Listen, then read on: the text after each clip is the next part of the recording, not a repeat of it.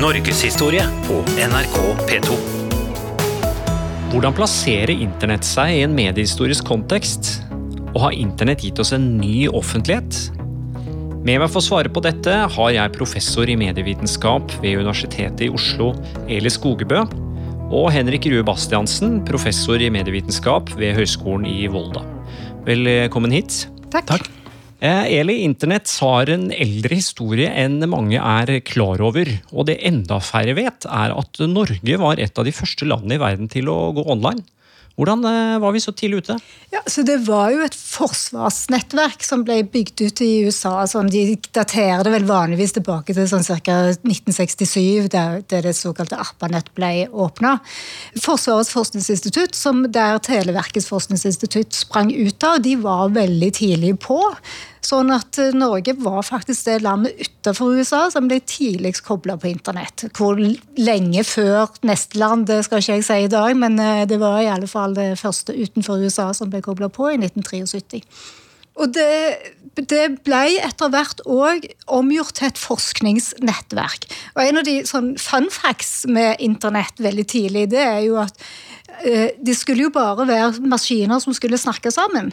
Men så fant jo disse forskerne som satt der, at de trengte jo å kommunisere. Så de, plutselig hadde de funnet opp e-post. Fordi at de måtte skrive små meldinger til hverandre. Så e-posten kom som en sånn spin-off av av dette nettverket. Og akkurat den konkrete grunnen til at Norge var så tidlig Men vi var jo si, vi er jo et Nato-land. Vi var tett integrert. Og, hadde, og på den tida var jo sikkerhetspolitikken veldig viktig. Så det tror jeg er en av grunnene. Pluss at Televerket var også veldig tidlig ute med ny teknologi. Men var jo også koblet til forskningsnettet når vi ble kobla på da? Ja. Det, utover på 70- og 80-tallet så ble jo den forskningsdelen av internett veldig viktig. Og fra slutten av 80-tallet fikk f.eks. Universitetet i Oslo internett, og e-post for de fleste. Det var ikke så veldig mye du kunne gjøre, men du kunne i alle fall sende e-post. Sånn at min e-postadresse på UiO for eksempel, den har jeg hatt siden jeg var stipendiat. Veldig lenge. Eh, Henrik, vi hører eh, både om internett og ARPANET her. Hva var egentlig forskjellen mellom de to? ARPANET ble jo opprettet innenfor det som heter ARPA, Advanced Research Project Agency, som ble opprettet av president Eisenhower i 1958 som et svar på Sovjets oppskyting av Sputnik 1-satellitten i 1957. Og så ble det ARPAs oppgave å forske på avansert, avansert teknologi og nye løsninger i en sånn øst-vest-kaldkrigskonflikt. Og etter hvert utover på 60-tallet så begynte de da å komme opp med at ja, kanskje vi skal få datamaskiner til å kommunisere sammen, hvordan gjør man det. Og, så og så kom de opp med dette ARPANET, som sto ferdig utviklet i 1969. Første forsøk på kommunikasjon da, det gikk så vidt noen sekunder. Og så ble det demonstrert offentlig i 1972.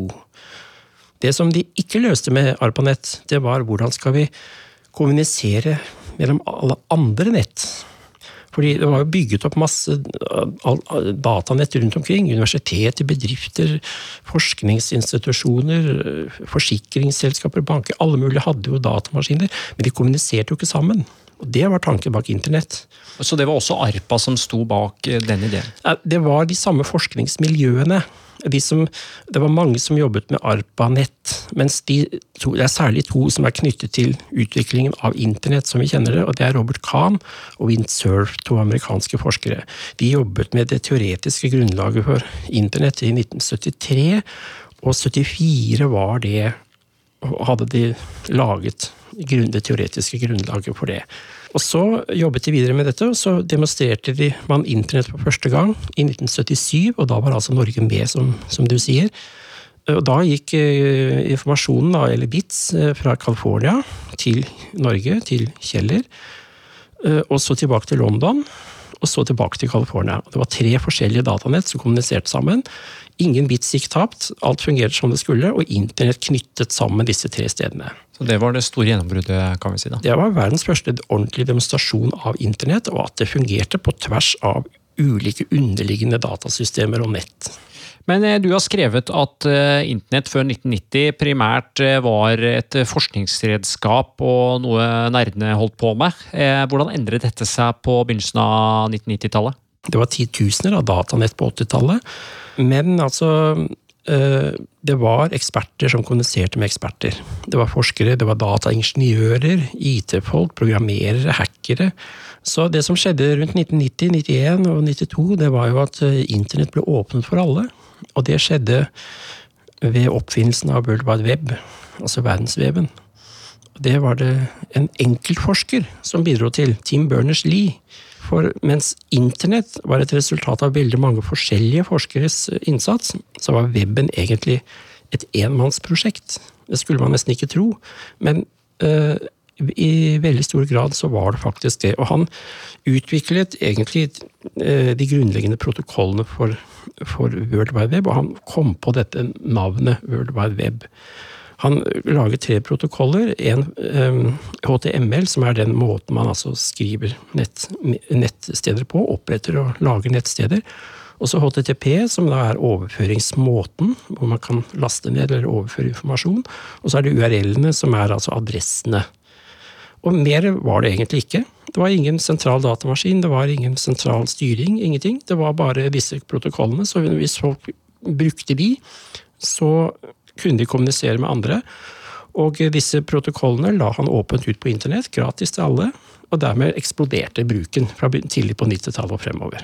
Men det var jo òg begynt å bli veldig tydelig at det var, det var mye kommersielle interesser som ønska å åpne nettet. Så, så jeg tenker at den, de drivkreftene, det kommersielle som kom for alvor da, er jo veldig veldig interessant å se på. Eller ikke bare se på, men å ha med når vi skriver den historien. Ja, absolutt. Eh, helt enig i det. Ehm, det var jo president eh, George Bush senior som undertegnet loven om, som åpnet internett for kommersiell drift. Det var 23.11.1992. Så fra da så startet den bonanzaen hvor alle mulige kommersielle interesser kunne bruke internett, og da World Wide Web, som lå over internett, til sine egne interesser. Men eh, lenge før World Wide Web så kunne altså datamaskiner snakke sammen. Men er det nye med World Wide Web rett og slett det vi nå kaller for skya? Ja, altså cyberspace kan man jo kalle det også. Altså et abstrakt rom hvor nettsteder er lenket sammen. Og Tim Berners-Lee var jo opptatt av at uh, han tenkte som akkurat som hjernecellenes betydning er, er, ligger i det at måten de er knyttet sammen på. En celle er knyttet sammen med så og så mange andre hjerneceller, og det overførte han til weben. Ja, det er jo litt som den eh, gamle startsiden.no, det som alle pleide å bruke. Man bare var et sånn gigantisk lenkekart det er liksom lenkene til Team Berners-Lee. ikke sant? Som ja, ja, ja. Sett fra i dag så vil nok en internettside fra 1995 virke, virke veldig primitiv. Mm. Vi kjenner igjen at det er en internettside pga. lenkene. Men ellers så er det funksjonaliteten i den er veldig enkel. Det var ikke så mye du kunne gjøre, liksom. Det var mest lesing. Ja, Du måtte hente opp. Du husker på at linjekapasiteten, eller den overføringskapasiteten, var jo en brøkdel av det vi snakker om nå. Sånn at det var lite eller ingen levende bilder, så det var veldig mye tekst. Mm. Men det, det, hadde rett og slett med funksjonaliteten på søk og kapasiteten på overføring var mye mindre, så de gjorde den tjenesten ja, ja. for deg. Så var det jo dyrt også. Du betalte jo for alt innholdet. Ja, det, det, er egentlig interessant å snakke om dette nå, i 2020. Fordi, mm. fordi nå kan vi se tilbake og se, ha litt perspektiver på det som skjedde da, som man ikke hadde da. Ikke sant? Vi kan si at ja, dette er en internettside, men den er egentlig veldig primitiv. Underforstått, vi vet hvordan det gikk etter at vi fikk bredbånd og fikk masse, stø, mye større overføringskapasitet. ikke sant? Så Det er litt sånn som med radio og TV. ikke sant? Tidlige radiosendinger, tidlige TV-sendinger. ja, Man syns at de er litt primitive, men man skjønner hvilke medium det er snakk om. Og Sånn er det litt også her med internett, når, man, når, ja, ja. når vi nå ser tilbake på 90-tallet. Norgeshistorie på NRK P2. Det leder oss til den såkalte dotcom-bobla. For IT-optimismen på 90-tallet den krasjlanda i et eh, aksjekrakk i mars 2000. Og det var jo litt i den sammenheng at økonomen Paul Krygmund sa at internett ikke kom til å ha noen større effekt på økonomien enn faksmaskinen hadde hatt. Eh, det er et eh, kjent sitat, man kan jo le av det i ettertid. Men var det så sikkert i 1998, når han sa dette, at internett kom til å revolusjonere livene våre? Ja, altså Det er mange morsomme spådommer som har kommet særlig på om teknologi opp gjennom tiden. og vi, de, de, blir trukket frem, de som er helt, helt, feil. ikke sant? Det er veldig morsomt i ettertid. Og det er liksom de bransjens fremste folk som har spådd de utroligste ting. Eh, I 1998 så var det sånn internett var i full vekst. ikke sant? Alt pekte oppover, og særlig i Amerika, hvor denne bransjen da var, var en cowboybransje med full bonanza. Og det nye bedrifter satte jo .com etter firmanavnet, eller som en del av firmanavnet. Og da, det, da, signaliserte de at de var moderne, at de var up to date. At de var, de var en del av fremtidens økonomi som var kommet her og nå. ikke sant? Og Derfor hadde investorer og aksjonærer alle hadde tro på disse selskapene. Hvis det kommer til å vokse inn i himmelen, dette er det nye gullet. ikke sant? Og Sånn varte det frem til 2000. Da kom krakket. Og så begynte man å skjønne at ja, selv om det er nyopprettede internettselskaper som er i en vekstbransje, så betyr jo ikke det at de er frikoblet fra økonomiens vanlige lover for forretningsdrift. Mm. Så, altså, da kom det en ny nøkternhet. Også disse, disse, firmaene må tjene penger. De må ha større inntekter enn utgifter, ikke sant? osv. osv. Mm. Eller? Jeg tenker, altså, En av de tingene man hadde rundt 2000, det var jo at du hadde ganske store driftskostnader på selve nett som vi sa. Altså, det var jo dyrt å kjøpe kapasitet. Altså Det som vi en gang kalte fortellerskritt. altså Det å betale, det koster masse penger. Og det er jo den store tingen som du ser rundt den tiden, er at det er altså det, det selskapene tjener penger på, det er jo å selge kapasitet. Man har ikke begynt å selge så mye tjenester på nettet, sånn som man gjør i dag. Altså I dag er det jo mye mer sånn det man kan kalle for verdiøkende tjenester. Men det som var big business, det var, det var kapasitet. Det var nett. Men nettsidene hadde ikke funnet noen gode måter å tjene penger på riktig ennå? Nei, nettsider er vanskelig. Det tok jo fryktelig lang tid før avisene begynte å tjene penger. Jeg husker jo når Nettavisen ble etablert, eller den de kom, så sa de ja, avisene ville ikke overleve mer enn fem år til. Det var òg en sånn stjerneuttalelse. Den som kom sånn ca. 697. Altså nå er vi 2020, det er 25 år siden. Og Det har jo rett og slett med at forretningsmodellene de følger jo ikke nødvendigvis teknologien sånn, sånn ved siden av. Du må ha noe folk kan betale for å si nå begynner det å ta av for alvor. Og Sånn er det jo veldig ofte på nye markeder. altså at Det går ikke jevnt. Det du kan gjøre, er ikke det samme som du selger i et marked. Altså Det er jo enormt masse fantastisk kommunikasjonsteknologi som har blitt lansert, og dødd. Mm. Fordi at det ikke var Det var enten for tidlig eller for seint, eller passa ikke inn. Og det er jo òg en del av internetthistorien. Det, det, er interessant, det der, fordi man kunne jo skrevet egne bøker om alle de floppene som har vært i medieutviklingen. ikke sant? Alle, alle tror på, på et tidspunkt at dette blir stort, og så blir det ikke det i det hele tatt. ikke sant? masse sånne ting som er glemt. Eh, lansert og glemt. Google Glass, ikke sant. Eh, briller, Google-briller. Folk vil ikke ha det. Og, og, så vi sitter Vi har på en måte en mediehistorie som er skrevet om det som overlevde. Mm. Det er det vi husker. Det som har levd videre frem til nå. Mens vi kunne skrevet en negativ mediehistorie om alt som forsvant. Det er den positive versjonen av mediehistorien vi, vi sitter med, fordi vi har det fortsatt. Altså Schibsted-konsernet brukte en halv milliard kroner på en søkemotor som het Sesam. Mm. De fikk sikkert noen råd om at dette er fremtiden og søkemotorer er stort. og sånn. Dette var i Norge før Google ble virkelig store. ikke sant? De tapte en halv milliard. De var jo profesjon, et profesjonelt mediekonsern. Man skulle tro at de visste bedre. Nei, de pengene var borte. Sesam ble bare en sånn flopp. Mm. Så selv ikke de store, tunge, profesjonelle medieselskapene klarer alltid å orientere seg i dette landskapet. Og det er veldig interessant, og jeg føler ofte at vi savner historier om alle de tingene som ikke lyktes. Norgeshistorie på NRK P2.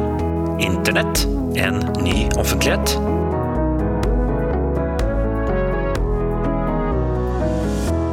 Henrik, du har jo forsket mye på norsk papirpresse, bl.a. Hvordan var norsk papirpressas møte med internett?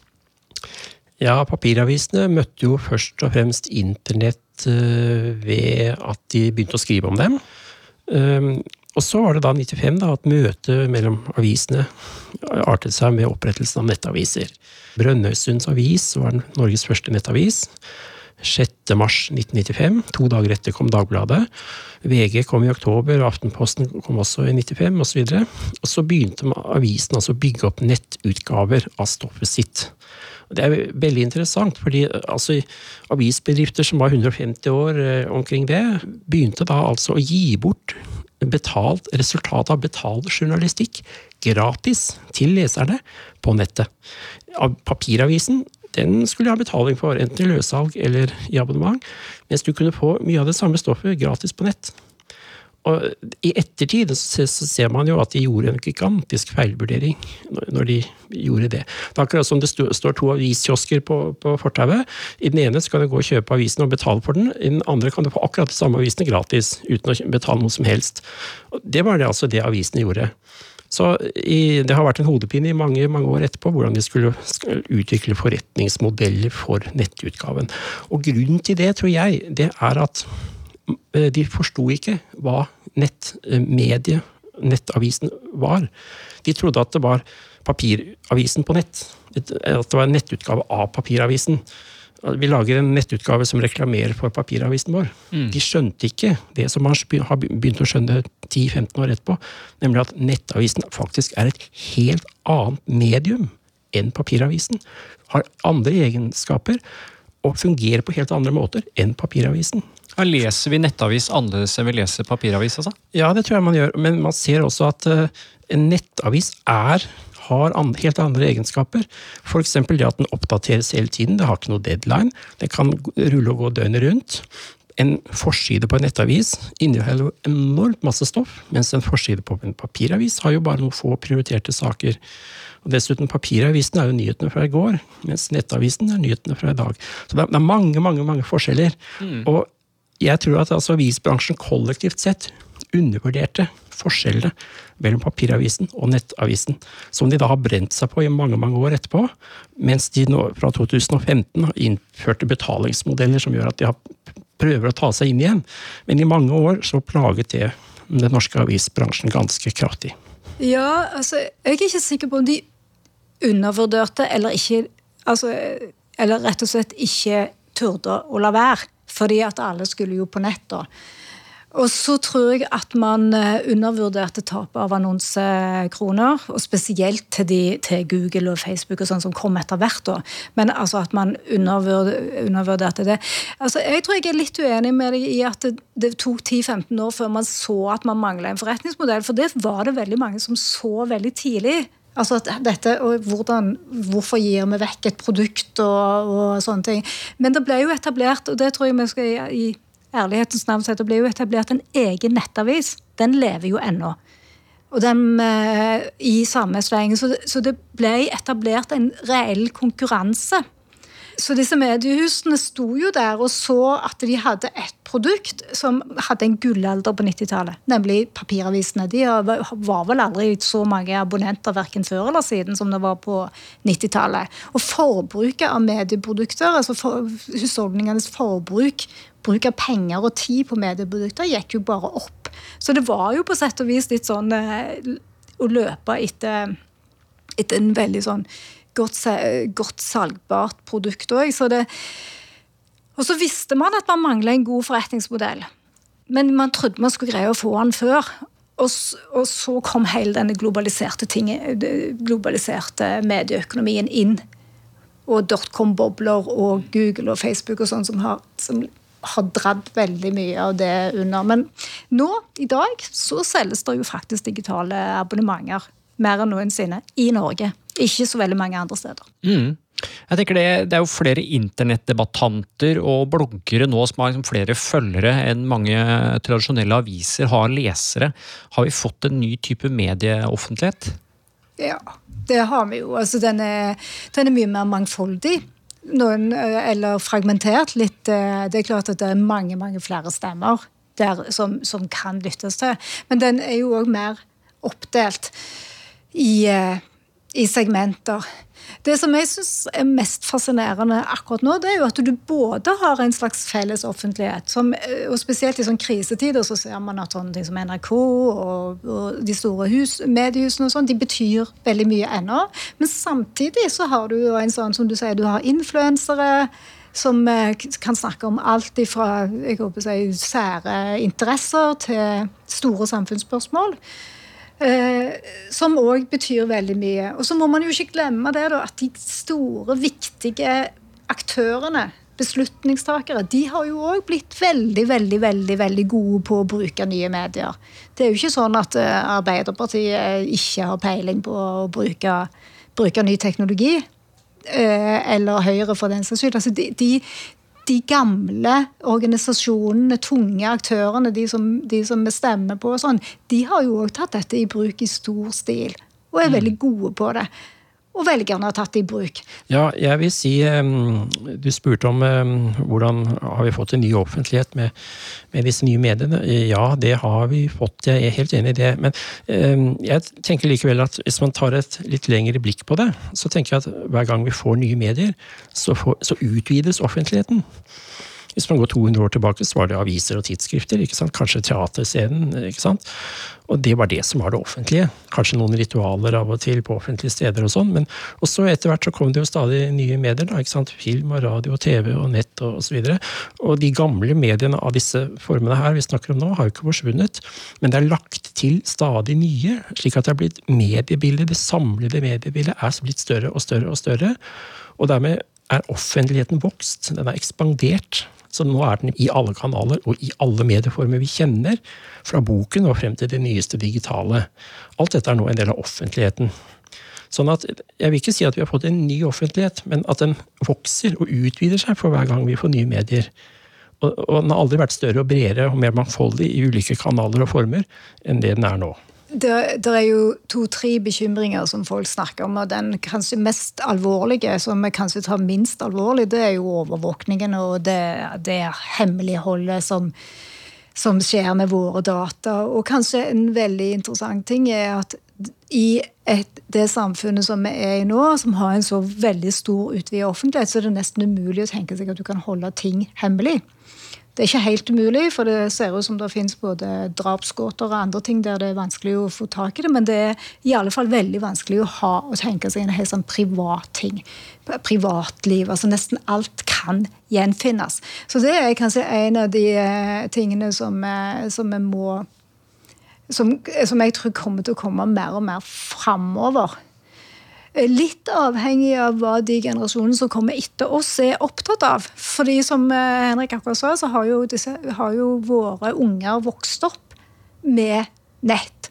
Og trenger ikke være så bekymra eh, som vi er.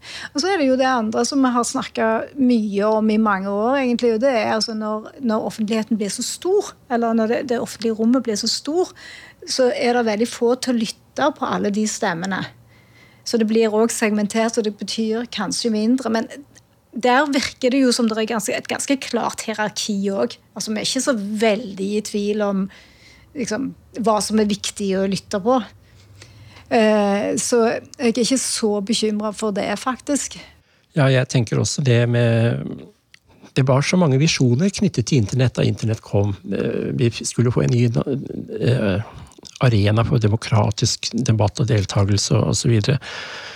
Og så når vi er i andre enden av denne prosessen, så snakker vi om overvåkning. Ikke sant? Det var det ingen som sa noe om på 90-tallet. Og egentlig så syns jeg det er litt typisk for måten nye medier blir innført på, som er en lærdom som jeg trekker fra mediehistorien, om at man møter ofte, dessverre, nye medier på en veldig naiv måte. Man tror at uh, nå skal det bli fine, det og det skal bli så bra og sånn. Uh, mens historien viser jo nettopp hvordan nye medier blir integrert i etablerte samfunnet. Og sterke krefter kommer inn, nye krefter, nye aktører kommer inn, og så ender man opp med noe helt annet enn det alle snakket om da mediet var helt nytt. Sånn har det vært med mange, mange ganger. Uh, og nå diskuterer vi altså overvåkning, og det på et tidspunkt hvor det egentlig er for sent. Hvor Google og Facebook vet alt om oss så finner vi altså ut at oi, disse kan selge informasjonene om hver av oss som brukere til en tredjepart, enten en politisk eller kommersiell tredjepart, som vil kjøpe opplysninger for å analysere velgeratferd i, i, stor skala, eller konsum, konsumentatferd i, i, stor skala, for å skreddersy politiske budskap eller reklamer til folk på individnivå. Så altså, brukerne betaler med sin bruk. Og dette har stor interesse når man kan bruke kunstig intelligens og lage store dataanalyser, som så kan kjøpes opp av politiske eller kommersielle interesser. Henrik Grue Bastiansen, Eli Skogbø, tusen takk til dere. Tusen takk. Tusen takk. Du lyttet til serien Medienes stemmer og maktens sensur, produsert av Norgeshistorie ved Universitetet i Oslo. Mitt navn er Anders Brenna, og ansvarlig for denne serien er Ellen Katrine Lund.